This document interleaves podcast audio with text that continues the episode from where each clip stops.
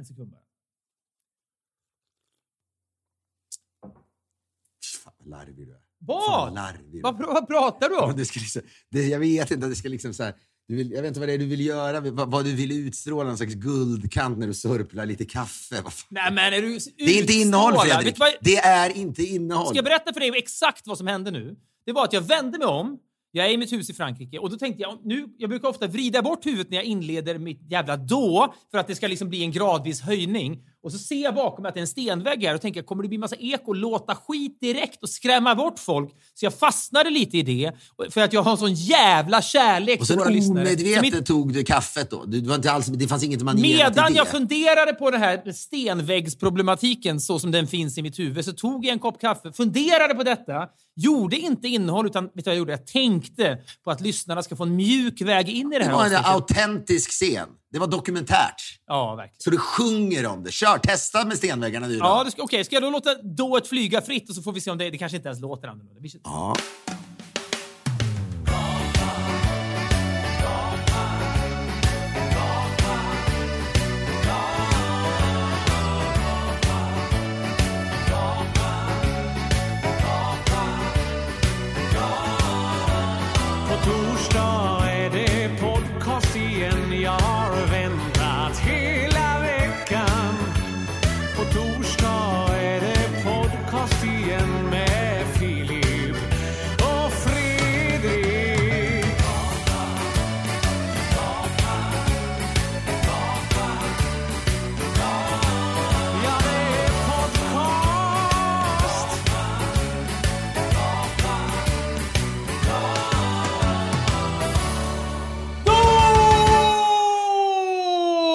Säger vi välkomna till Filip och Fredriks podcast som alltså då eventuellt har inletts med fasansfullt dåligt ljud och eh, jag först- det får mig... Det blir som när Larry David gjorde stand-up på 70-talet, går upp på scenen, ser sig omkring och bara skakar, rycker på axlarna och säger “nevermind” och lämnar scenen för han, han får ingen bra vibe av publiken. Jag får ju känslan också, jag borde bara lägga ner det här avsnittet, för starten har varit för liksom ekoig. Men du, är det inte då att, är det inte då att din svåger eh, jobbar väl med... Han är liksom utbildad eller om han är doktor eller professor i akustik eller något sånt där va? Är han inte det? Det är någonting... så han, Det stämmer, ja. Han, jag vet att han gjorde, någon, han gjorde ljudbilden från Dramatenföreställning. Nu bor han i Frankrike, någon, någon annanstans här i Frankrike. Jag vet inte var han kan du inte, jag skulle nämligen komma till det. Kan du inte flyga in honom till... Nu är du inte kvar i Frankrike nästa gång. Men för att få liksom... Han ska ta fram den perfekta då-akustiken liksom, på proffsnivå. Ja. För det kanske skulle kunna bli magiskt. Jo. Han kanske verkligen skulle kunna uppleva något helt nytt. Det är en väldigt begränsad del av avsnittet också. Det, det handlar liksom om 0,8 sekunder. Jag vet inte riktigt om det Ja, men det finns uppbyggnad, snack med honom hur han har Jo, tänkt. jag vet, men sen, vad det är sen, viktigt. sen, ska han och jag liksom hänga här då. Ska vi ut och käka middag ihop och diskutera? Men är det stelt mellan er då? Nej, det är det inte. Nej, det är det inte. Men det är märk- Ni känner inte varandra så bra kanske? Eller, Det, så jo, men det är väl ett, också... Vet du vad? Det känns nästan som ett grisigt uppdrag. Titta vilka resurser jag har. Jag flyger ner dig, din eventuellt då liksom undersysselsatte jävel för att komma hit och korrigera ett då i 0,8 sekunder så att det ska låta Jo, bra. men vadå? Det spelar, han kanske tycker det är kul, men jag tänkte också vi skulle, då, det skulle kunna bli en lång linje i podden där vi så här, uppmanar folk att köpa ny utrustning, nya högtalare, nya hörlurar för att då kunna uppleva ditt då. Det här kanske ligger långt fram i tiden. Men det var bara ett sidospår. Hur mår du? Du är nere i Frankrike. Det låter ändå som du har skjuts i rösten. Ja, men jag mår alltid bra här nere och jag mår, vet du vad jag mår absolut bäst när jag är ensam här nere? Det är när jag också hittar en bok att försvinna in i och en skiva att försvinna in i. Så att jag verkligen tar en paus från allt i kanske fyra dagar. Jag måste jobba en del och sådär. Vi ska komma, jag tycker folk vill nog höra vad det är för skiva. Jag måste bara säga. Inte säker. Hur, hur, ja men ja, kanske ändå. Men din tillvaro måste ändå ha förmörkats en aning när Ruben Östlund då, här om dagen, grattis Ruben, känner jag, som fan fick då tre Oscarsnomineringar. Vilken vindflöjel du är! Du super med någon på ett plan och så vips så är du liksom ett Vi hardcore-fan. hänger plötsligt. mer än, alltså vi har mycket kontakt jag och Ruben, ska du veta. förstår. men, ja, jo men det irriterar dig. Det tycker jag är kul. Men, jag sa bara, han blir då nominerad i, det är ändå stort, det måste man säga. Ingen svensk har väl någonsin blivit i, i, nominerad i regi, manus och bästa film. Mm. Nu är det ju åtta filmer kan ju vara värt att säga, för även Elvis, denna monumentala skitfilm, är ju då, eh, är då också nominerad. Men för, vi har ju pratat tidigare om din missunnsamhet, om hur du har skaffat liksom,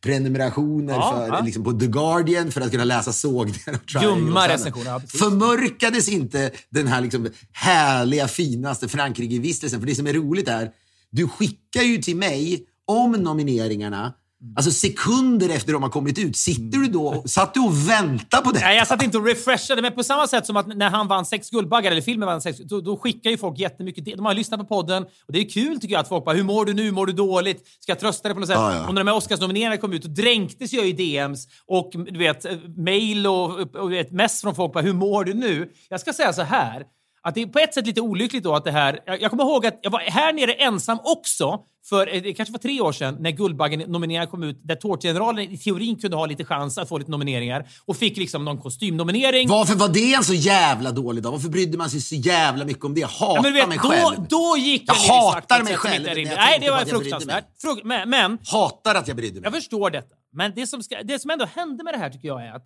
visst, sex Guldbaggar till det här tänkte jag så här, vad fan är det, vad är det för land vi lever i? Men, men sen, det hände något med, det var något så, så uppenbart hatten avläge när den här jävla historiska nomineringscrusaden bara inträffar. Jag kommer ihåg när, när Joakim Trier blev nominerad för manus för Världens värsta människa, som för övrigt är en otroligt bra då norsk... Oscar! Ja, men typ det var jag. Oscar blev han nominerad för. Ja, visst. Ja, men nominerad för eh, Oscar för bästa manus. För hur fan är det möjligt att bli det när man inte har gjort en film som utspelas i USA, typ? Och då blir Ruben det. Han blir nominerad för regi och bästa film. Och då kände jag så här, nu, går, nu blir jag liksom... Jag kände bara en genuin så här, typ stolthet, vilket jag inte kan känna för här, Det, det blev någonting som bara hände. Talar du Men- sanning nu? Ja, men det är...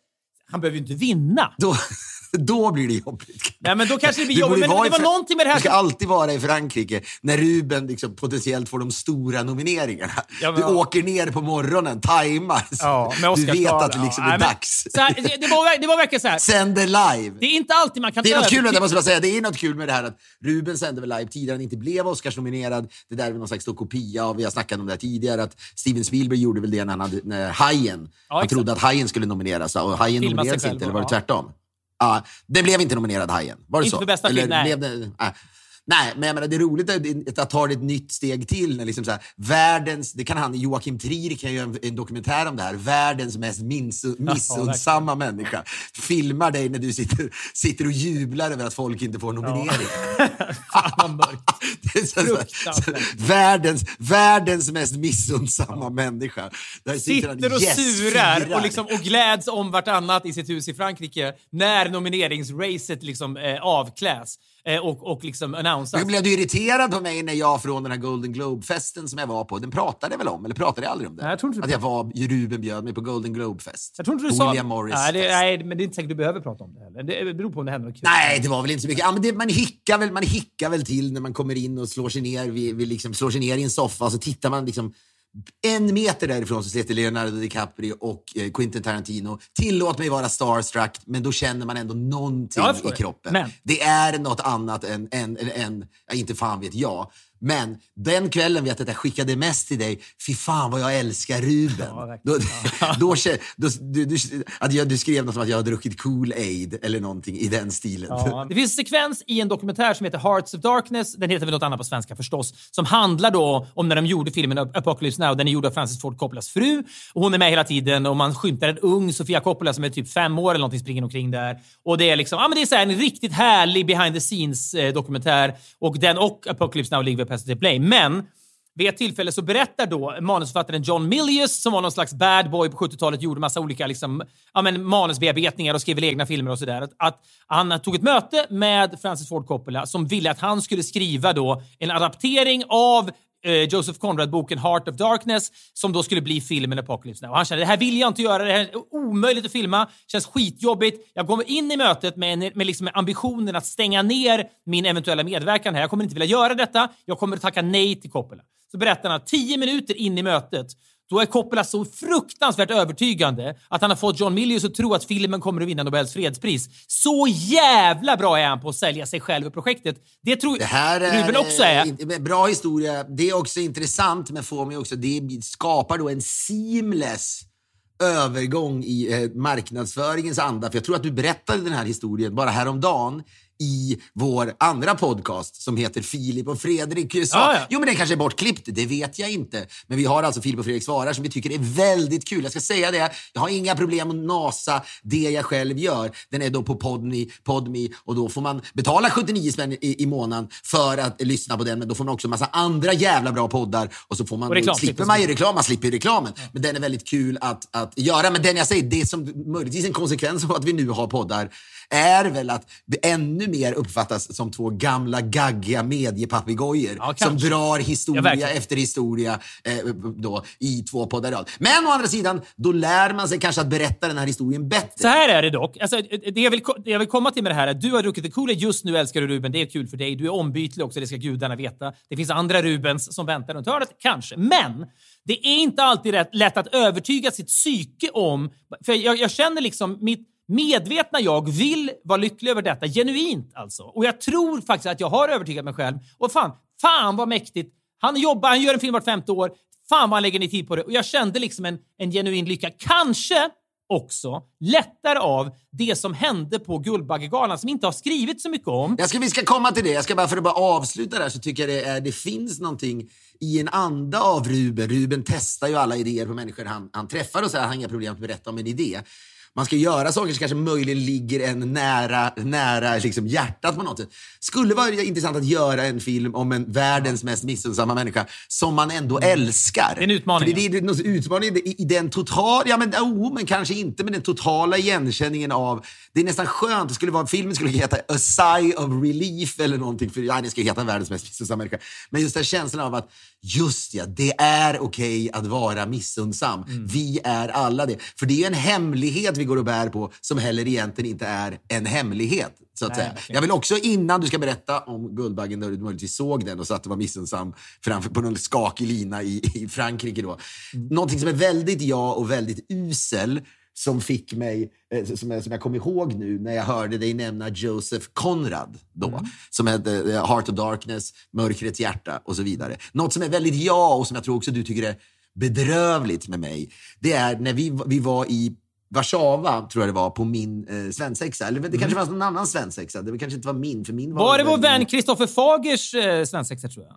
Så kanske det var. Mm. Men då satt vi på ett torg i Warszawa, kullerstenigt som satan. Mm. Vi satt där. Vad är det som gör att det är så härligt att dricka när man sitter nära kullersten? Vad fan är det för nedär... eller, liksom, på, eller på kullersten. Ja, absolut. Men man, man, man tittar ju inte ner på kullerstenen man sitter på, utan det är liksom lite bord som täcker lite stolar. Men man låter blicken spela över kullerstenar som har funnits där under liksom århundraden. Och man kan, liksom, om man orkar visualisera massa människoöden, liksom hur, hur människor har malts ner mellan de här och liksom blivit trampade på. Allt har hänt där. Och så dricker man samtidigt. Är man inte mer classy när man dricker Man inbillar sig nog att man är det. Men vi hade vår gata där jag bodde i Stockholm har tagit bort kullerstenarna då för tio år sedan. Då fick jag lite också känslan, rör inte mina kullerstenar. Ska jag bli Benny Andersson nu och dra en kampanj här för att få in kullerstenarna igen? Ja, men kullerstenarna har någonting, men när vi sitter där så minns jag att du tittade på mig med nästan förakt. För, och det höll ju tillbaka. Jag, för då var det så att huset där Josef Konrad föddes låg vid det här torget. Och jag försökte göra det till en grej som att det fanns något vingslagigt i att vi satt där. Och så sa du till mig, Ja, men- har du ens läst Mörkrets hjärta? Och så svarade jag, nej. Jag, jag är kom, också, vet du vad den är? Den är cirka 80 sidor lång. Den är inte jättelång. Det är, alltså, det är inte brott och straff eller krig och fred. Den är liksom riktigt kort.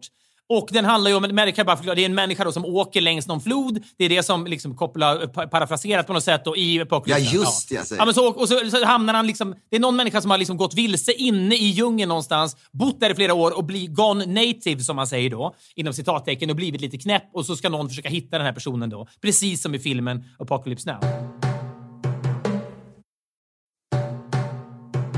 Nu ska vi då åka hela vägen till, var, är det alltid cirkus? Cirkus tror jag det är. är de har den där jävla... Jag tror att det är cirkus. Jag ska aldrig gå på en Guldbaggegala. Aldrig sätta min är fot noterat. i närheten. Det är noterat. det noterar jag, men det är väl ändå, för fan, ja. Bedrövligt är jag på alla sätt. Den här jävla juryn, fy fan. Usch, usch, usch. Det har inte med att göra Två med... saker som präglar din framtid. Ett, rädda kullerstenar. Två, aldrig gå på Guldbaggen. Där har vi liksom brinnet. Hur mår Filip nu för tiden? Men han jobbar mest med det här projektet Rör inte mina kullerstenar. Han har igång det själv. Har ni varit inne på hemsidan? Nej, inte jag heller. Men, ja, men det är någonting. Så här, jag, jag tittade inte på hela galan, men jag, jag liksom blev varse att det var något som hände i slutet som Ja, det, det har inte skrivit så mycket om det, det har inte, inte kommenterat så mycket om det, men på ett sätt var det något av det mest omtumlande när jag gick in och tittade på det här som jag fan men jag sett. Jag, nästan, nästan lika apart och chockerande som Will Smith och Chris Rock-grejen på Oscars för ett par år sedan. Inte riktigt, inte lika uppenbart chockerande. Nu benchar du upp Ja, det här, för det är väl ändå enligt Men det är många liksom- världens, inom Ja, citat, största tv-ögonblick. Ja, men det, och det vet jag. Och jag vet, när det hände så pratade jag om att det var typ lika chockerande inom någon värld som 9-11 var. Det, det var så En fruktansvärt. sak måste jag säga, kroknade inte man ganska säga. Jag tröttnade på det ögonblicket när jag hade sett klippet tre gånger. Folk, det är sånt där som folk älskade att snacka om i, liksom, liksom i två månader. Och liksom alla, satt med, liksom, alla, alla män i Saturday Night Live redaktionen satt ju med stånd. Ingenting har, det är liksom den största, Ja, största gåvan de har fått i världshistorien. Nästan, av allting de har fått. Men jag kroknade. Men på samma sätt som jag en gång i månaden tittar på olika straffläggningar när England förlorar i fotboll. Eller framförallt straffen Fan, du som... är missunnsam. som Tänk på det här. straffen, Tänk på det här. Det är ju för fan en röd linje att du också sitter och tittar. Straffen när Pirlo, den eleganta, jag hatar ju Italien också i vanliga fall, men de, det är någon straffläggning och Pirlo ska lägga en straff mot, jag tror att, kan det vara Joe Hart? Vad heter den andra målvakten? Jag tror att det är Joe Hart. Ja, men det står- var nog Joe Hart back in the day. Han gör grimaser och står och studsar för att psyka Pirlo. Pirlo, bara Pirlo är så jävla snygg. Pirlo bara stirrar på honom, springer fram lojt och bara liksom lägger den med knapp styrfart mitt i mål för han vet att den här övertände Joe Hart kommer att kasta sig åt något håll. Och så blir det en så kallad Panenka-straff. Det, så, det ögonblicket kollar jag på en gång i månaden. På samma sätt så kollar jag ändå på... Vad ger det dig då? Vad ger det dig? Du, du, du, Joe Harts olycka ger Ja. dig Nej, men lycka. vet du vad? Det är en diffus känsla av rättvisa. Och återigen, ja, det är Du är så- lite sjuk. Du är lite sjuk. Ja, det är- det är Men, Ja, jag vet Men på samma sätt så tittar jag en gång i månaden på, på, på Chris Rock och Will Smith, för det är fortfarande någonting med det där som inte är klokt. Men! Men Det som händer på Guldbaggegalan då är ju att, att det är liksom, Triangle of Sadness dränks ju i priser. Det är väl vad det är. Det är jätte, Sofie Krunegård som vi känner vinner för bästa kostym. Svinhärligt. Eh, och de andra priserna har jag inte riktigt koll på. Men det sista priset är då årets bästa film. Och det är alltid så. Man tror ju att det är regissören som, som plockar hem priset för och och tar emot priset för bästa eh, film. Men det är det ju inte. De, det är bästa regi och producenterna, de som då har fixat pengar och de som ligger bakom hela maskineriet bakom, de tar emot priset för bästa film. Ofta är regissören också uppe som är producenten. Men Regissören av Triangle of Sadness är Ruben förstås. Producenten heter Erik Hemmendorf och han har ju blivit lite av en, ska man säga, gossen Rudar på sistone för han har skickat då du vet, att när DN har gett ljumma recensioner till Rubens filmer, då skickar Erik Hemmendorf då att recensenten är en jävla tönt. Och då skrev den här journalisten, eller recensenten, en artikel om det. Varför säger Erik Hemmendorf att jag är en tönt? Fan Lite, vad sjukt ja, men det är gnälligt vad, också. Vad sjukt ändå. Det är jättegnälligt och det är bara fan i helvete. Lite får du ja. fan tåla. Men han tyckte att det var väl innehåll för honom och det blev ju sannerligen säkert väldigt läst på DN.se. Men! Och Sen när, jag tror att när de sågade Triangle of Sadness så tror jag han skrev... Han skrev ju det tunt för massa år sedan när han sågade typ The Square. Och så skrev han väl supertunt nu Kanske igen så. som en Ja, uppföljning. vara. tror. Men- Ja, så var det tror jag. Erik Hemmendorf går då upp och tar emot det, här priset och det är stort för honom. Jag tror aldrig att Ruben-filmen har vunnit för Guldbagge tidigare, så det är inte säkert att Erik Hemmendorf, som då har stått i skuggan av Ruben i alla de här åren, säkert med glädje för att de... Och med rätta kanske. Om vi ska vara helt... Om vi ska vara Ja, och kanske med stenhårda. rätta. Ja. ja, men han håller då ett tal. Med superrätta kanske till och med. Ja, Ja. gå vidare. Ja. Men det här talet då, är alltså i, i, i vanliga fall är ju tal, eh, eh, de snittar kanske en minut eller liksom en och tjugo eller något. När man går upp på en scen. Gör de det? Är det inte det att man tror att de gör Nej, det? du vet, jag, jag, jag, jag tittade faktiskt på Cuba Gooding Juniors Oscarstal för jag tänkte fan, det här är lite påminner lite grann om det. Musiken börjar spela, men personen som håller tal vägrar gå av och fortsätter bara. Så tänker jag, undrar hur långt Cuba Gooding Juniors tal, som ändå är en klassiker, han vinner för bästa manliga biroll med Jerry Maguire. Ja, det är väl klassat 96. som värld. Är det inte världens bästa tal? Ja, men det är, det är en otrolig stund och det här har vi pratat om tidigare för det är någonting så jävla Du kan få Hollywood. gåshud nu. Ja. Ska vi inte bara spela upp kort? För det är bra i och med att jag kan tänka mig att du kanske kommer spela upp något annat. Ja. Ska vi inte bjuda? Cuba Gooding Jr då slår ju ner lite som en bomb. Han är inte superetablerad. Jerry Maguire kommer ut. Fantastisk film på små... Ja. Är det Cameron Crowe som Ja, det är det verkligen. kanske? Ja. Med också eh, Renee Zellwegers, eh, Renee Zellwegers debutfilm. Du och jag såg Genombrott. Men i. Phoenix, Arizona. Någonstans blev förälskade i henne såklart. Tom Cruise gör en jätteroll. Det finns en ikonisk scen när han sjunger Free Falling, sjunger Ja, med i den bilen, i ja, en där. bil, Ja. som ger en gåshud. Sen då, och Cuba Gooding Jr äger ju ändå filmen. Han är en fotbollsspelare som då, eh, han representerar Tom Cruise, som är Jeremy Maguire. Och han är så jävla bra. Och när han då vinner priset, som är väl lite av en överraskning, för det är, lite en, det är liksom en, en, nästan, det är en komisk roll. Det är inte alltid de får priserna. Så att säga. Då går han upp och under då, hur långt är Ja, men så här, jag var nyfiken på det. för Jag tänkte, det, det kanske är lika långt som det här talet vi ska prata om sen. Men, så, ja, men det är lite, lite drygt en minut ändå. Då tror man att det är längre, för musiken börjar spela efter kanske 25 sekunder. Det är otroligt Du tal. behöver inte lyssna på hela, men David Mer som klipper kan tajta ihop det så det blir, man fattar Men crescendot, det är väl också crescendot? Crescendot är det otroligt. Vi lyssnar, vi lyssnar på det nu. I just want to. Oh, here we go. Okay, uh, the studio, I love you, and Cameron Crowe and uh, Tom Cruise. I love you, brother. I love you, man.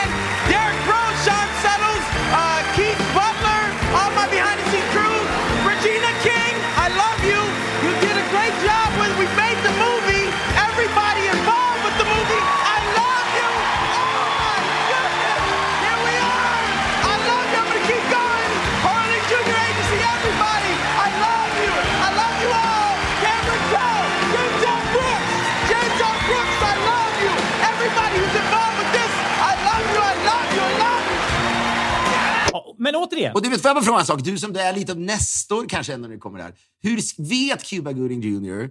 när han går upp där att han ska liksom ha det här crescendo? vet du vad? Eh, Nej, men det kongeniala med det här talet är ju att i filmen så spelar han en fotbollsspelare som är lite på dekis. Han, har liksom, han, han är inte så populär, han är inte så bra och han behöver ett moment för att då fansen ska upptäcka honom, sponsorerna ska upptäcka honom. Och vid ett tillfälle i filmen, mini-spoiler alert då, men då, då eh, så, så krockar han med någon annan spelare och blir liggande. Och alla tror, okej, har han fått en hjärnskakning nu? Det är vanligt inom NFL, amerikansk fotboll. Är det, vad, vad har hänt? Hur illa däran är han? Alla ställer sig upp, hela arenan. Tom Cruise är jätteorolig. Och han ligger där, men han har inte skadat sig så illa. Han ligger bara och mjölkar det. Och sen, för han har ju precis gjort touchdown. Ja, men det är ju lite, det är li, li, lite så Cameron Crowe goes skallepär när han dör. Jag är inte död än. Ja, men lite så. Precis. Ja. Och sen reser han sig upp och börjar springa omkring och fira då att han har gjort någon touchdown och de har vunnit matchen, eller vad det nu är. Och det blir så mäktigt att han, han får liksom en ny våg i karriären, den här karaktären. Men talet är ju någon slags spegling av det, det vill säga extravagant, extrovert och liksom Men gapar. vet han om det här? Är det planerat? Jag, jag tror att han är nog tillräckligt mycket showman för att förstå vilken jävla effekt det här kommer att få. Han var ingen jätteskådis. Han fick ändå, liksom, på samma sätt som skådis då, ett moment och i tre, fyra år sedan så var han ganska liksom stor och nu har han väl lite Så fejdat. blev det väl lite metoo, det blev lite metoo och Det sådär kanske på blev, honom ja, också i slutändan. Men då ska du då, nu ska du egentligen då sätta det där talet i relation, eller tvärtom, du ska sätta Hemmendorfs Ja. tal i relation till Det Kubas. är ju inte rättvist, det är jag medveten om. Men det var någonting med det här som bara var... Jag tror aldrig jag sett Det fanns väl ändå inga Cuba Gooding Jr. liksom ambitioner. drömmar när Nej, går nej, upp. nej! Men det intressanta med det här Nu är... jävlar blir det åka av. Nej, nej, nu nej. åker vi. Ja, men det intressanta med det här tycker jag är, jag har aldrig varit med, och jag har ändå sett mycket galor, jag har aldrig sett en person mer behandla det här, den här ytan och det här, det här liksom utrymmet som sitt eget typ fikarum. Det finns noll känsla av... Jag menar, vad fan, du och jag har tagit emot priser.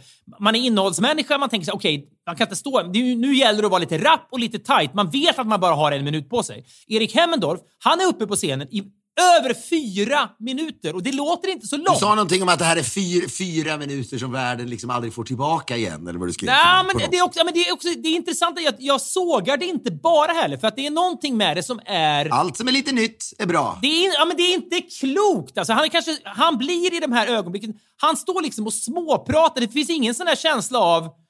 Ja, men du vet, när, när man står på en scen och kommunicerar med en publik i, hemma i tv-sofforna i hela cirkus, då är man ju liksom...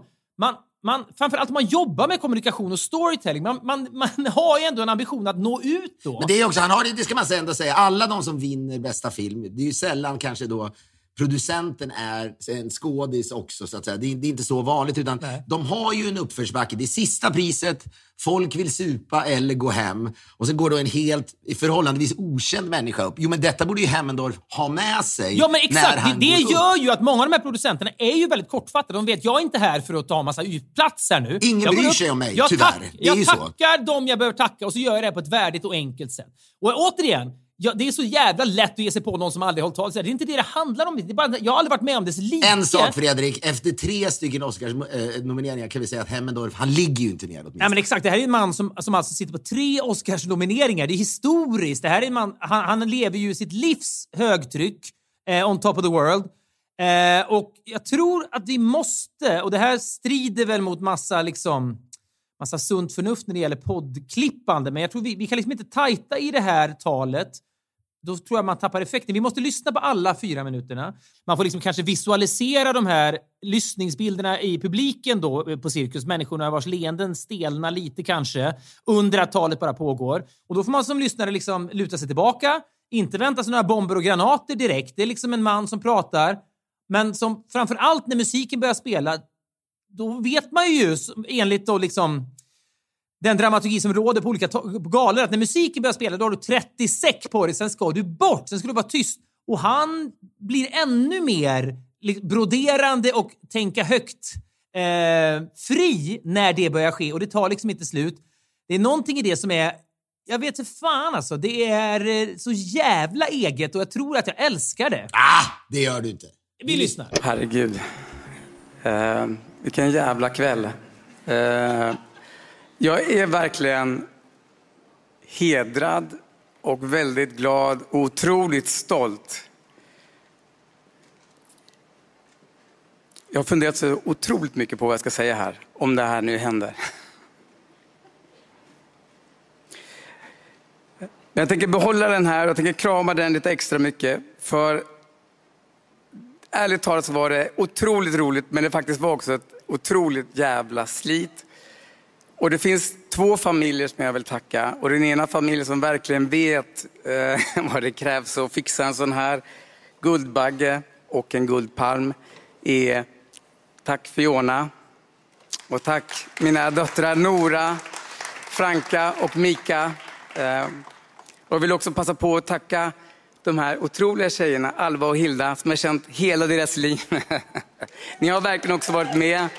Och några som inte är här, nämligen Sina Östlund och lilla Elias. Eh, och nu skulle jag verkligen vilja be att det här gänget som har varit med, som jag ska försöka att tacka, och det kommer inte gå på 90 sekunder, eh, börja komma upp nu. För det här är ett kollektivt pris. Så kom här nu. Nu tänker jag så här, alla familjer de behöver också en mamma och en pappa som ger lite fickpengar. Och vi har några otroligt fina som har hjälpt oss den här tiden och stöttat från första stund. Och det är Film Väst, det är Svenska Filminstitutet, det är eh, Nordisk Film och TV-fond. Har jag glömt nu, nu då? SF, vår distributör, som är våra svenska partners som gör att vi kan göra de här eh, filmerna som oberoende producenter. Tack så hemskt mycket. Och nu, alltså jag hittar varken min lapp eller mina glasögon så jag ska försöka, jag kanske måste titta mig om för att se vilka som är här. Men fotograf, alltså absolut. Jag tänker spara Ruben. Men fotografen Fredrik Wenzel. Applåd! Vår scenograf Josefin Åsberg. Casting Pauline Hansson. nu börjar det bli svårt. Kostym, Sofie Krunegård. Jesus Christ. Mikael C. Karlsson Ruben som har klippt. Stephanie Gredig. Eh, min fantastiska vän och kollega sedan 15 år, Filippo Bär. Men också Silva Hildbrand, var är du? Som har hjälpt det här. Och Åke Gullberg. Eh, och stäng av musiken, för vi är faktiskt sist. Det här är det största priset. Tarek, alla ni andra, Kristina. Idag kände jag faktiskt vilket jävla galet, underbart gäng det här är. Det var otroligt roligt att få vara här idag. Eh, jag har faktiskt lovat att lämna lite tid åt min eh, fantastiska kollega här. Eh, men allra först, Ruben, vet du vad jag tänkte idag när alla stod här? Jag fick en så dum idé, precis som du Henrik. Jag tänkte så här, nästa första gången när Ruben och jag satte oss ner och bestämde att vi skulle starta och göra någonting överhuvudtaget. När han satt och babblade ihjäl ens huvud med den här idiotiska, jättebra idén. Då tänkte jag så här, kom ihåg det, jag tänkte så här, ah, han kan fan bli president. Och tänkte hur fan, hur fan går det till? Man kan ju inte bli president. Men jag tänkte faktiskt det. Och jag känner det fortfarande. Och idag gjorde du en ny pitch på den nya filmen. Och det kommer fan bli kanske en tredje Tack. Tack, jag är jätteglad och stolt! Ja, men jag skärmdumpade direkt och, och skickade till dig. Skitjobbigt att skicka med dålig täckning. Det tog liksom fyra minuter att få iväg det liksom, klipp. Lika långt som hans tal tog det att få iväg klipp. Ja, men det levererade ju också. För det jag tycker var så roligt, är att han behandlade det som ett fikarum. Det jag tycker är ja, Men nu pratar vi, det är inte som alla människor bryr sig inte om tacktal. Så är det. det är liksom lite såna tid, ja, men det är lite såna tider nu. Ruben har varit väldigt liksom närvarande i den här podden också. Men när, det jag tycker är så intressant är att han säger, bland det första han säger är då att hur mycket, han har tänkt otroligt mycket på vad han skulle säga. Ja. Men sen när han väl står där, då är det som att han aldrig har tänkt på det. Nej. Han liksom går totalt emot sig själv. För när han säger jag har tänkt otroligt mycket vad jag ska säga. Då tänker man antingen säger han något kort och slagkraftigt. Eller så kommer en story som vindlar ut och så ska man, ska man, bli lite orolig. Kommer han att plocka hem det här? Och så dammar han in en poäng på slutet som gör att... Ja, men jag liksom- var ganska trygg om inte, du, om inte du hade sagt att jag förstod att det var något som inte var så bra kanske. Mm. Annars, så långt i talet, när han säger jag har tänkt otroligt mycket Mm. på vad jag ska, om jag ska säga om jag skulle vinna. Där är man ju trygg. Han lurar ju in oss då i att det ska bli en, liksom en solid stund. han, höjer rib, han höjer ribban på ett otroligt sätt. Det har varit en lång gala. Ja, men han höjer. Det är mer så här, med mig kan ni vara trygg. Mm. Nu har precis Christer Henriksson varit här uppe och sladdrat eller sluddrat. Om, jag vet inte vad han sa, men han fick vi kritik. Han drog något horskämt han fick feeling för. Ja, precis innan. Ja. Men så här kommer Erik Hemmendorf upp. Nu blir, det, nu blir det åtminstone solitt. Här, han levererar det här. Men efter han har sagt det, det är liksom, jag håller med dig, han, han visar ju liksom ingen respekt mot sig själv nästan. Han kan ju bättre. Han kan ju bättre än det så här. Att, bör, men att börja liksom prata med att Ruben pitchade sin nästa film idag och det är så här. Du vet, så här han, pra, han, vet, han pratar som att han har, sitter i ett mötesrum. Inte att det är liksom, 19, liksom 9, 2000 människor Han börjar med att liksom ta höjd, lägga, liksom så här, lägga upp ribban då högt. Han avslutar ju nästan också med det när han då ska säga någonting om Ruben. Ja. Då sitter man också som på, liksom, man sitter som på Nu nålar. Vad för genial grej ska han nu säga om Ruben? Och då blir det där att Ruben ska bli president.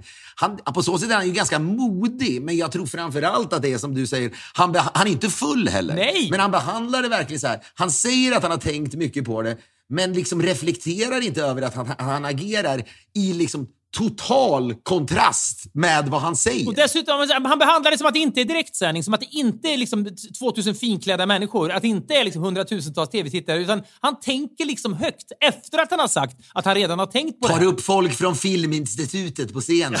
Ja, men- Det sista mänskligheten behöver är en människa från Filminstitutet en i, i, liksom, i en bild på tv. Det är liksom, det, han, han, han, han tänker på så sätt också fel. Men vissa, behand, men vissa behandlar det då som så här. Jag skiter i egentligen vad, hur, vad ni som tittar tänker på det här. För nu vill jag bara hylla de, jobb, de jag har jobbat med. Men grejen var att liksom inte ens det klarade han av. För det var liksom man, paniken över att han liksom inte kom ihåg alla. Det var säkert någon som blev bortglömd där. Det kan jag verkligen tänka ja, men du vet, som hade, Jag skrev till någon så här, som hade skickat det här till mig. Som, hade det varit på Oscarsgalan så hade de haft snipers som hade liksom plockat honom om han vägrade gå av. Han hade liksom inte, över, han hade inte lämnat Dolby Theatre levande med, det, med den insatsen. T- tänk om! Jag tror inte det händer. Jag vet inte ens vad jag känner inför det. Men om Triangle of Sadness vinner bästa film och han går upp och håller motsvar ett motsvarande tal på engelska. Fast man vill ju att det ska vara ett sånt tal då. Det Ja, nu börjar jag känna det. Alltså, jag tror, det finns så många andra filmer som ligger bra till. Spielberg och Tar, den här filmen med Kate Blanchett. Det är många som förmodligen vinner det här. Men om Hemmendorf går upp och levererar det där talet, då, är, då kommer folk vara mer chockade i Dolby Theatre, eller vad fan den heter, än när Chris Rock fick på käften av Will Smith. Egentligen skulle han ju efter då den här eh, talet häromdagen, då skulle det ju stått en grupp människor, ryckt honom direkt, sa nu ska du iväg på en intensivkurs. Du vet, när man tar så här, eh, körkort kan man säga, men jag tar körkortet i Avesta under en vecka. Det är det, han borde bara ryckas iväg liksom, nu då innan galan. Liksom, åtta veckor i Falun där man Men jag, ska ihåg, jag, kommer ihåg när, slipas. jag kommer ihåg när, när det var fotbolls-VM för massa år sedan. Och den, Annars eh, kan han inte åka med. Han kan, Ruben kan ju inte visa sig med Det är, honom. som, det är som... Ja, men du vet, det här, det här klippet har redan tittats på av Oscars... Eh, Galans Vet du vad du borde göra, du som är så jävla missunnsam och galen? Du borde gör, texta det, översätta det och sen skicka det till Variety för att försöka få spridning innan. Nej, men, ja, men jag, jag tror att oss, de, de har redan sett det här. Det har det gått iväg. Okej, bara så att ni vet. Vinner den här jäveln, då får de vara beredda med att dåna på med musik så jävla högt så att han inte har en Ja, chans. men är han på så sätt en börda för Ruben? Kan det minska Rubens chanser att vinna en Oscar? Men jag kommer ihåg när, när det var fotbolls-VM för massa år sedan. och- Svara på min fråga! Nej, men jag ska inte- komma till det. Jag ska komma med en parallell först bara. När den tyske förbundskaptenen Jogi Löw hela tiden var i bild under ett fotbolls-VM när han liksom hade något tourettesigt för sig. Att han liksom Pilla sig i näsan Pilla och sånt näsan och ja. smakade på det, kliade sig i skrevet, luktade på fingrarna. Alltså riktigt, och du vet, fotograferna som gamar tv-producenterna. De la ut det här match efter match. Hans fru måste ha hört av sig hem. Det var väl i Brasilien tror jag. Du vet, snälla Jogge, du kan inte göra så här. Tyska förbundet måste ha haft möten med honom. Du måste sluta med det här. Men, ja, absolut, jag lovar. Men sen så går han in i matchen och tappar det fullständigt och börjar med det här. Men den typen av krismöten... Respekt för honom. Jag tycker att jag respekterar ja, det. det vackert då. tycker jag på något sätt. Han flög fritt.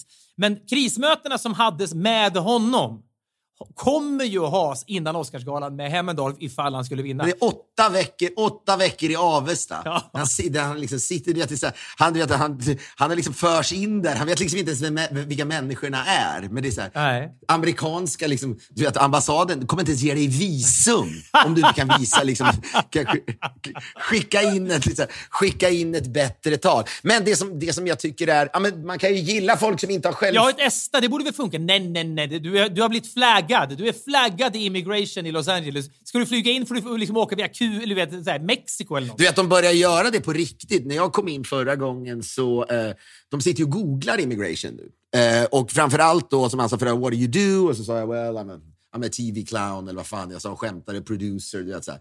Då sitter han ju och googlar mig. Och så sitter han och äter tyst länge och så han så här, you're not lying. Sa han. Och du vet, även om det är så Sverige is där. Eh, men han berättade att det är så jävla vanligt att folk Folk liksom tänker inte på att de googlar. Och om de då inte hittar ens namnet, om någon säger I'm an actress, va? då, så här, då är personen, tror jag, lite pro- då finns det problem. Så att säga. Ja, kan du tänka dig när de går, går vad, vad gör du? "Eh, I'm a producer. så ser han då den översatta länken som Fredrik Wikingsson har lagt upp på liksom, Verkligen. YouTube. Så jag har köpt massa annonsyta, i- sen hamnar högt upp på Google. Om man söker man på Erik Hemmendorf så kommer det här klippet textat upp. Men du vet, det skulle, du vet, han måste flyga till Mexiko och bli insmugglad av, du vet så här, eh, vad heter det, coyotes eller vad är det, människosmugglare som måste ta in honom i någon Han, var- lastbil. ja, precis. Han får, kli, nej, men han får liksom klättra över muren och ramla ner där. Liksom. Ruben flyger business till LAX. Säger, Erik, vi syns, vi syns på hotellet sen va? Vi syns om några veckor. Du, får- du får ta dig in någon, via Mexiko, över muren. Men vet du vad han är? Det är det du ringar in henne och sa. Han, där är han ju 0% amerikansk underhållning. Han är 0% amerikansk krispig Ja, men, underhållning. det, men han är ju heller inte i USA när han håller talet, så han, han behöver ju inte vara det. Men han är så, han är så bekväm. Jag, jag tror aldrig jag sett en människa vara mindre brydd och orolig för hur man uppfattas. Det är någonting med det som är imponerande. Ja, men jag, jag tycker vi pratade för några veckor sedan om han Navid Modiri, den här journalisten som då, eh, när han gör intervjuer överlag i sin podd, liksom, lyckas liksom han- liksom involverar ju sig själv i samtalet, eller sin egen person. Och i slutändan känner väl att framförallt har Navid Modiri, Modiri försökt berätta för oss att han är en, en, liksom en perfekt människa. Men för, då sa jag för några veckor sedan, han släppte någon bok om han, den här, vad heter han, Björn, eh, eh, som... Natthiko precis, som Lundeblad, ja, gick bort precis, och de som var ja. vänner och så handlade väl boken...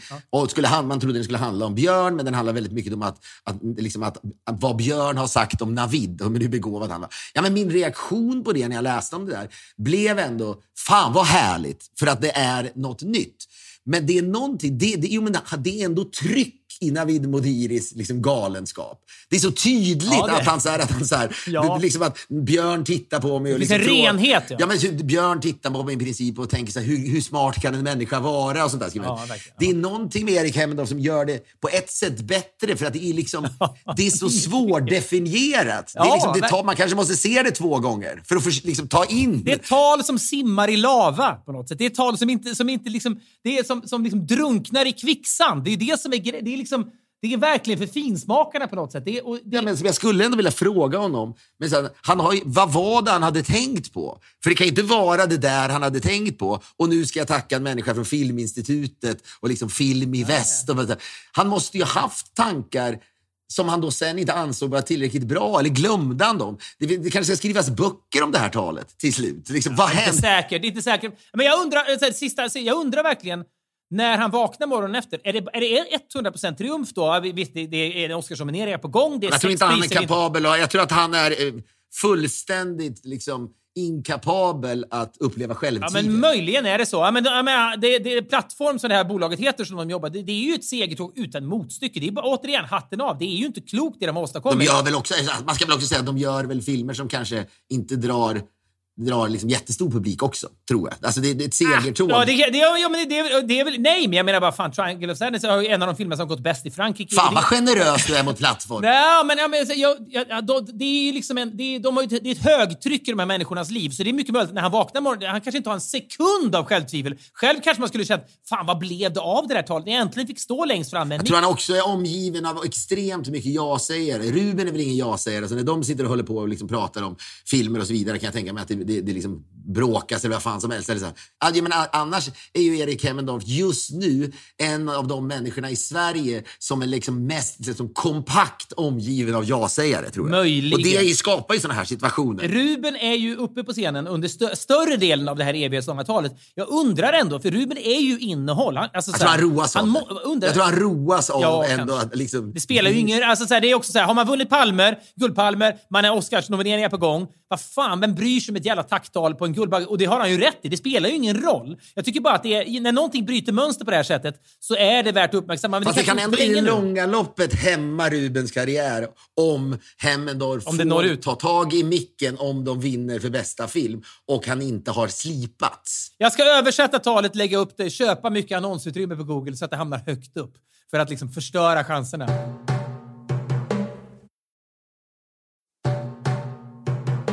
Jag, måste bara säga, det här är väldigt så liten, det är så jävla liten, men jag vet att du kommer kunna se det framför dig. Jag hade då Torstensson här hemma igår, som vi pratar mycket om i podden. Jag sa att det vore kul att göra intervjuer med personer som vi pratar mycket om i podden, att ge dem lite plats på riktigt. Hemmendorf kanske, om han pratar som mer, skulle kunna, och Ruben och så vidare. Men även då Torstensson som har blivit en ikonisk figur i vår podd för att han, liksom, han lever liksom ymnigt och yvigt över hela världen. Och, så att säga. och är väldigt rolig, rolig på alla sätt och vis. Men vi sitter här igår då och, och, vet, helt mirakulöst har han tagit sig igenom Triangle of Sadness. Är det, ändå, det, det är liksom överraskande ändå att Erik har Men han är koncentration. ju, han är ju s- en ADHD som flyger friare än någon annan ADHD jag har träffat på. Tror jag. Ja, precis. På ett härligt sätt. Men och då pratade vi, eh, då pratade vi om, jag vet inte, vi pratade om musik på något jävla sätt och så kommer vi, eh, så bara försöka då, och även Agnes sitter med och, och, och liksom, det är inte riktigt egentligen läge att börja prata om Bruce Springsteen. Men jag tar chansen så att säga och pratar om den här intervjun då som jag ändå kan rekommendera till alla, Tommy fan. Alltså, När han Ja, intervjuade den. Ja, men det är ju liksom, det, jag vet inte varför, man kan också säga bara, det det du vet, det det är inte så mycket, men Howard Stern gör ju något genialt. Han pratar bara om musik med honom. Eller allt grundas i sånt som... Ja, liksom, typ. och det blir, ja, men, att, han, han gör inga liksom, faktarutor och frågar om favoritfrukter och sånt där. För då, då, liksom, då, då, då, då tycker där förlorar man i självförtro- eller Det, förtroendet. men- men- men Okej, okej, okej. Men vänta, vänta nu. Du, du, du, du- kan ju inte kategorisera mänskligheten i... Här är alla intervjuare i Jo. världen. De gör, fakt, de gör faktarutor om frukt. Jo. Och sen står Howard Stern här borta och ensam i Jo. världen om att ställa djuplodande frågor. Det stämmer Inte ju. djuplodande frågor, men jag sa att han höll sig bara kring liksom musiken. Ja, det, är men- inte, det är väl inte något Men det fanns Ja. liksom inte... Man kan säga då, vad var de kritiska frågorna då? Jag men, alla vi som gillar Springsteen, vi vill inte ha några kritiska frågor. Alltså man vill ju inte Jag det. trodde inte... Den här ligger på HBO nu. Jag, jag, jag trodde inte det. Jag låg, scrollade förbi den många gånger och tänkte varför ska jag se det här för? Så hade jag liksom lite tid över så började jag titta på den. Jag mådde, jag mådde ju helt otroligt Kände du missunnsamhet gentemot Howard Stern? Att han lyckades så bra med det Nej, här? nej, nej, vad fan. Ja, men jag, är, jag är liksom inte gjord av 60 missunnsamhet. Det, det, det, det Det filtrerar inte jag. allting. Men, ja, men så och den, den intervjun jag pratade igår, man, men man ändå vill se, det är någonting så att han, han är så genomtänkt Springsteen och han har ju vett att, att liksom bedöma hur lång ska den här storyn vara. Ja, det, det, det vill säga, han är ju liksom motsatsen till Hemmendorf. Liksom. Så han gjorde även den här Broadway-showen. Och sen ska han då berätta, berättar han om eh, att, hur viktigt det är liksom att han, vilket också känns väldigt kommersiellt, eh, men han säger att han måste ha en titel oftast innan han kan börja skriva en låt. Ja, eller ett, ett, åtminstone ett catchy begrepp. Liksom. Ja men precis, och det kan man fatta när man, han, och då, det behöver inte vara att det är genialiskt, men det är klart när han sitter i en bil någonstans och tänker “Born in the USA”. Ah, med konceptet, det är en, Där kan- har jag något att Ja, men så jobba här, Det är med, en kritisk låt om USA som heter “Born in the USA”. Och så gör han det här. Omslaget sen. Det, hela paketet är ju fulländat med jeansen och liksom hur han lurar. Liksom. Men Ja, ja, ja. Det, är ju, men det är ju en scam. Det är blåsningen verkligen. Den, där, för den, den, den låten. För att den bevisar ju att folk inte riktigt orkar lyssna på texter. Riktigt. Så är det. Men och så, sen, sen börjar han prata om Tougher than the rest. Som vi, kan vi avsluta podden med den? Eller? Ja, det kan vi verkligen göra. Fy fan. Jag, vet du vad jag är? Jag är liksom...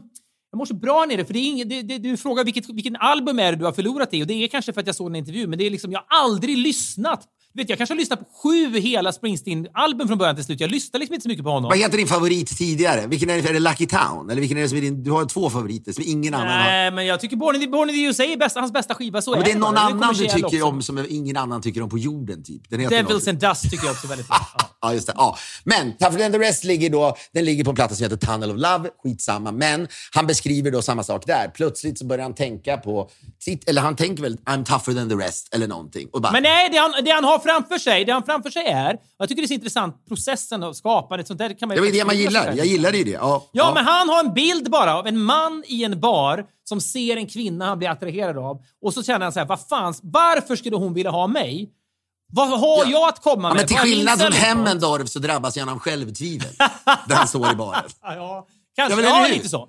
Och då tänker han så här, den här Det mannen... är super, det är hela grunden. Grunden är ju det är en man med självtvivel som försöker över, liksom, övertyga sig om det motsatta. Jag ska gå fram till den här kvinnan som känns ouppnåelig. Vad ska jag säga? Vad har jag att komma med? Jo, men vet du vad? Jag har inte utseendet. Jag har Nej. inte utseendet. Jag har inte karriären, jag har inte karisman, jag har inte utseende, jag har liksom ingen sexappeal. Men det jag har är att jag är liksom så här, jag kommer att Jag har inget av det Hemmendorf har. Verkligen inte. Men jag har liksom stamina. Jag kommer orka att vara ihop med. Jag kommer att, ha jag kommer liksom, jag kommer att vara där för dig. Det är vad jag har. Men det är väl lite jag finns där när det blåser. Vilket Ja, är liksom, exakt. egentligen är så rätt trist. Det är osexigt som djävulen. Det känns inte som att det flyger i speciellt många barer.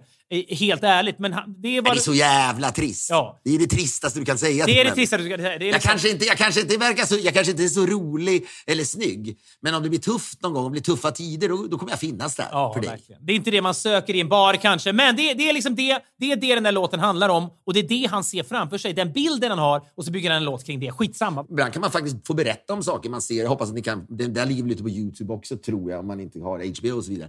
Men det han gör som är så smart, att han börjar spela låten.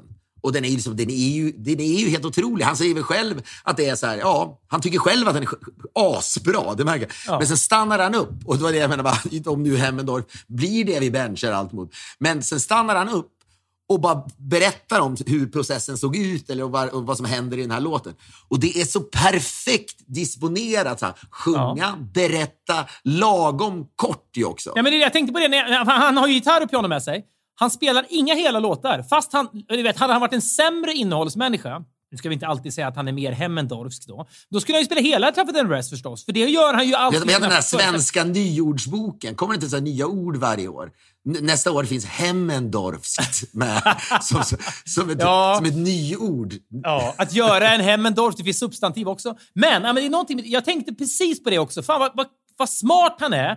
Här ska inte jag sitta och gagga och spela en fem minuter lång låt. Det är ingen som vill ha det av mig, fast jag är Typ alla som tittar på den här jävla intervjun är ju superfans, men jag ska inte pusha deras tålamod för mycket. Det räcker med en vers och en refräng och kanske en vers till. Nej, sen räcker det och så kan vi prata om något annat istället. Jag blir faktiskt att han vid 70 års ålder, för många människor blir ju Över också... 70 är han väl för fan? Ja, men många över blir ju 70. också så här förlorade i sin egen myt. Det är klart folk vill höra mig spela i sju minuter i sträck här. Fast de har hört de här låtarna för För jag är ju ändå helt otrolig. Att han, att ha, att han har det självtvivlet var jävligt uppfriskande. 73 eller 74 år. Men då sen igår så pratade jag om det här och ja, men även Agnes har ju slängar av också attention span problem, vilket Gud ska veta att jag har också. Så jag ska inte sitta här och kritisera folk för jag kan agera lika mycket. Men Nej. då pratar jag om Tougher than the rest. Då, då säger Torstensson, jag vill verkligen lyssna på den här låten, sätt på den nu. och så sitter vi.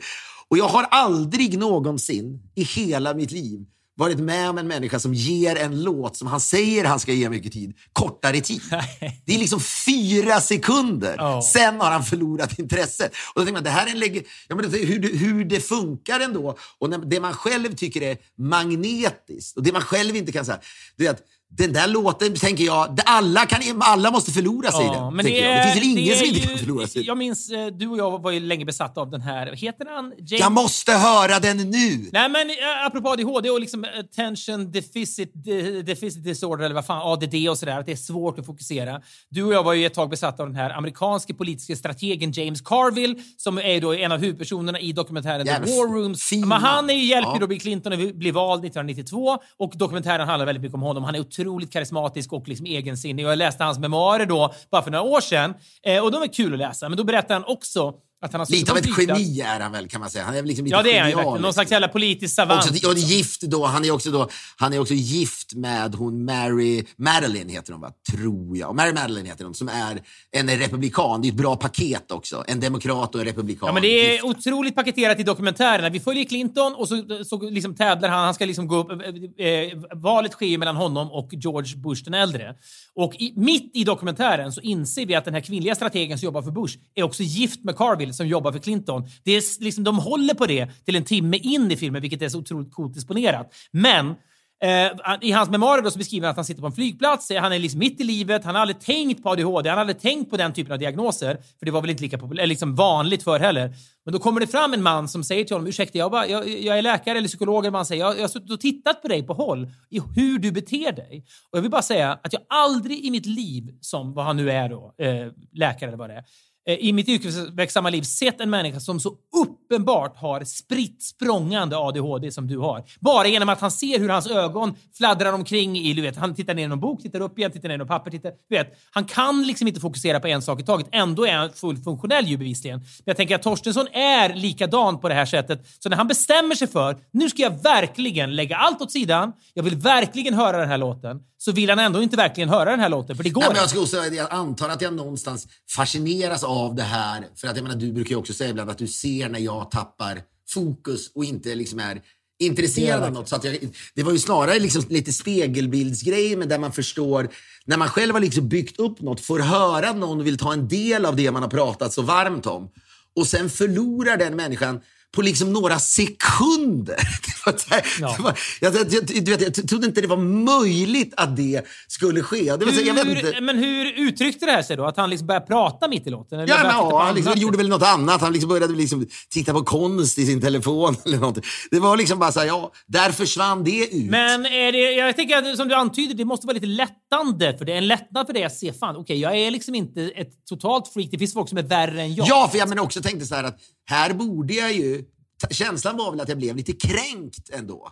Så här, du vet, om man, man har berättat någonting och så, nu vill han lyssna. Men ganska snabbt insåg jag, jag har inte rätt att bli kränkt med tanke på hur många människor som har försökt berätta saker för mig genom åren och sen inte liksom hålla, du vet, inte klarar av, du vet, det gäller ju att gå igenom det här jävla nålsögat. Det finns åtskilliga stunder när jag har stått med dig och en person som har försökt berätta något för dig, där jag liksom nästan känner för att gripa in och hjälpa den här personen. Du vet, jag förstår, nej, nu är det kört och ska vi göra så att du och jag går iväg, skulle jag vilja säga. Berätta det för mig, jag kan coacha dig. Vi behöver inte åka till Avesta i åtta veckor, men jag kan åtminstone coacha dig så kan du ge det här en, liksom en ny chans och berätta det på liksom en fjärdedel så lång tid och börja med något riktigt saftigt, för då kommer Filip kanske orka lyssna färdigt. Men det påminner mig om, när man tänker då, det här har jag väl pratat om, jag skiter i det. Men när jag var på den här bar mitzvan i New York på The National History Museum och det var, liksom, det var verkligen en lyxcrowd. Jag, jag, jag hamnade där då av massa märkliga anledningar. Men bar mitzva är väl typ, typ konfirmation Ja, för precis. judar, I, inom, eller? inom juden. Ja. Då, precis. Och det var då eh, den här personens son, som det var hans bar mitzva, hade hyrt då det legendariska ändå, eh, National History Museum i, liksom, som ligger i parken Upper West. tror jag det ligger på. Eh, men och så, vid bordet jag får tror jag, Bam Margera från Jackass och eh, typ prinsessan Madeleine till bordet, eh, om, jag, om jag inte minns fel. Folk, folk som har haft prinsessan Madeleine till bordet brukar komma ihåg det. Hälsotecken ändå. Jättebra. Men så ser jag ju då, då är ju Springsteen där, för att han är kompis med henne. Och du kan också se hur jag reagerar på det. Jag, inte liksom, jag, inte, jag kan inte dörr, Jag tror att jag går runt och är soft med att Springsteen är där. Men det är jag ju inte. Ja, du tror att det inte syns att du stirrar på honom, men det, gör, det syns. Ja, men då, och så sitter två bord bort så sitter ju han då där, bland annat med han som arrangerar festen. Men så har han då, bordsdamen känner jag inte till, det var någon amerikansk kvinna tror jag. Men han sitter också då mitt emot Per Gessle. Och jag har liksom aldrig känt mig, jag känner mig också kränkt för jag tänker, hur kan man inte placera mig liksom mitt emot Springsteen. Mm. Men det fanns ju inte ens på kartan. Jag var ju liksom inte på the short list Nej. för de som skulle sitta bredvid Springsteen. Nej, du ska helt ärligt vara glad att du får vara där. Ja, men då kommer ju då som sagt var ändå Gessle bort till mitt bord och säger jag bara, hur är det, hur är det? Ja, det är tråkigt. Han är full och berättar långa, sega historier. Dricker tequila. Det är liksom...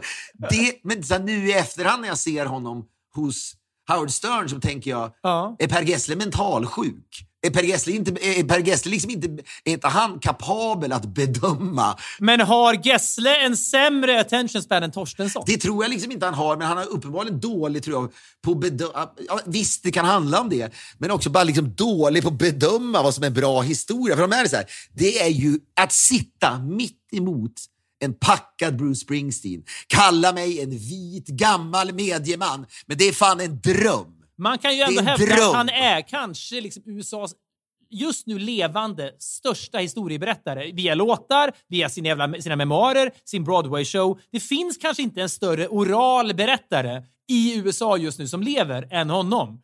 Och Gessle sitter... Men det är ju exakt, USAs största berättare, liksom vidimerat. Det finns, en stäm, det finns en stämpel där det står USAs största berättare, Couture. Det är officiellt. Det är, liksom, det är ingenting man kan ifrågasätta. Sitter då mi, mitt emot liksom Mr Tre minuters Ja. topp, Per Gessle.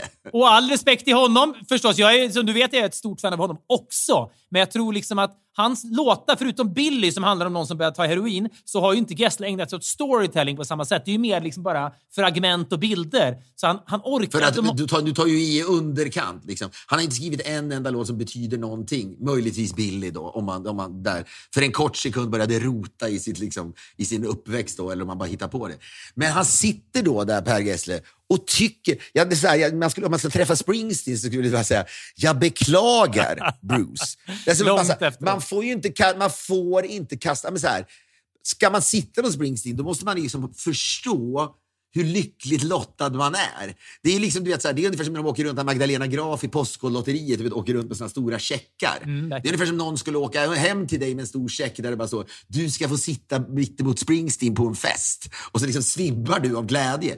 Det är den känslan man ska ha när man slår sig ner vid bordet. Men jag tror liksom, Gessle var ju liksom sur och liksom uttråkad när de satte sig ner. Ja, det, ja, alltså, alltså, på, det gör honom liksom Hemmendorfskt intressant också. Tänk om man kunnat se ljudupptagning av det där. Det hade jag betalat Ja, miljoner verkligen. för. Alltså, Ja, det är, det är, men det så gör, det är omöjligt, Per. Det är omöjligt Men att det det är är, du har ju också tråkigt. berättat för mig att i samma veva som det här, det är, när är det här 10-12 år sedan, så ser du Springsteen på Giant Stadium och står i samma VIP-box som Gessle. Och Gessle lämnar konserten för att det är citat för långa låtar. Så han, är, han har ju en a- Ja, allergi. det är precis när när jag pratar om crescendot. När Springsteen liksom drar igång då Born to Run och sen kommer Jungle Land om det fan är Hungry Heart och du vet, Detroit. Och så. Men det, han är väl känd, han är ju känd för, liksom, det blivit lite ett adelsmärke för honom också att okej, sex, sju låtar på slutet, nu växlar vi upp. Vi trodde att du hade växlat upp, men nu jävlar åker vi. Det är, liksom för, för, det är religiösa upplevelser Ja. för de som gillar Springsteen. Och i New Jersey, där han då kommer ifrån, där liksom folk står och det finns en, liksom en, en provinsialism som det är kul att se honom i Jersey. För man liksom Men det är, känner det är liksom som att se Johan Glans i, i Lund eller i, i Skåne. Det är liksom... Ex, ja. här, precis, Ja. Precis. men, nej, men alltså, det finns ju en känsla av utvaldhet som jag upplever. Jag får vara här och vara med om det här. Då går liksom Gessle... Han har ju liksom, vet, självklart har han så öronproppar på sig. ja, det får man respektera. Alltså det är så jävla dåligt. Jag klarar inte av det här, säger han.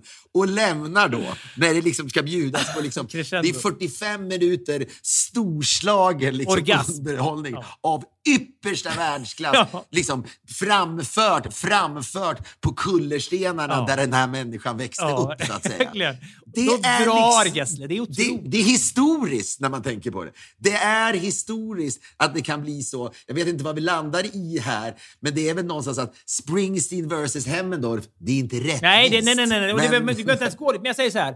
Det, till syvende och sist, det vi alltid återkommer till och det vi alltid gläds åt är ju människor som faller ur ramen. Jag, ska, jag vill verkligen understryka det. Det är ju liksom på många sätt... ett- Det är ett problem med Hemmendorf, måste jag säga. För jag håller med dig, men det är ju en luddig Ja, ramurfallning vi verkligen. pratar Ja, om här. det är det verkligen. och det är det som gör den kanske ännu mer genial eller intressant. Men det är inte så att man säger oj vilken katastrof. Det är någonting, Det är ju ett obehag. Ja. Det är ungefär, du vet, det är, när man går upp, det är ungefär som den här... Vet, det är någonting som skaver, man har ett klädesplagg på sig som sticker. Det är någonting som är fel. Så jag uppmanar ju folk, nu, nu, nu har vi ju bjudit på en liksom version av avtalet och audio, men man kan väl också se det då antar jag på SVT Verkligen. Play eller vad fan, eller kanske på Youtube. Jag uppmanar folk att kanske se den en tre, fyra gånger i sin fulla längd. Ja, det krävs. Det är, liksom, det är väl den är inte längre än... Liksom, det är som att lyssna på Born to Run tre gånger i rad. Ja, eller verkligen. Tougher than the rest. Nej, det, det är någonting, jag tycker, jag tycker årets hittills liksom märkligaste och liksom för mig fenomenala ögonblick. Jag är någonting... Viktigaste! Ja, verkligen. Ja, och det- gjorde liksom hela den här framgången för Triangle of Sadness gjorde den mycket mer hanterbar för mig på ett, på ett väldigt bra sätt. Så jag känner mig lättad. Vet du vad som vore en, en nu pratar de om då, eh, dokumentär och så vidare. Det hade varit intressant om en självtvivlande Hemmendorf plötsligt ringer upp dig. Eller du får mess. Ring mig. Hälsningar Hemmendorf. Och så säger han, ja jag har hört podden och så här, jag förstår vad du säger, jag mår dåligt av det där. Skulle du och jag kunna åka ner till ditt hus i Frankrike i en vecka och fila på ett tal och så filma det. Det hade varit en rolig uppfattning. Ja, för då hade det lite, också, men den Det- pressen du då hade upplevt. Den pressen du då hade upplevt. Jo, men det hade jag löst. Ja, men det är klart jag hade löst det. Det är ju superenkelt ändå. Det är det ju. Men Oj problemet... då, jag tror oj. att det, det är Superenkelt. Jag, jag tror verkligen inte, tyvärr, alltså, jag hade gett mycket för att se Hemmendorf i Dolby Theatre eller vad fan det heter. Liksom Spielberg har förlorat, alla de här enorma namnen har förlorat. Hemmendorf står där och håller liksom ett Fängsla svajigt- liksom en miljard tv-tittare I med ett fyra liksom minuter. perfekt komprimerat Ja, tal. det är spännande. Det, det, är, det har gett liksom härlig ny energi till liksom Oscars-racet. Detta. På ett, det, det kan hända otroliga saker den där kvällen. Inte sannolikt, men ändå möjligheten ger mig någon slags livselixir som jag kommer leva länge på. Ni får gärna höra av er till oss på podcast.poddff.com.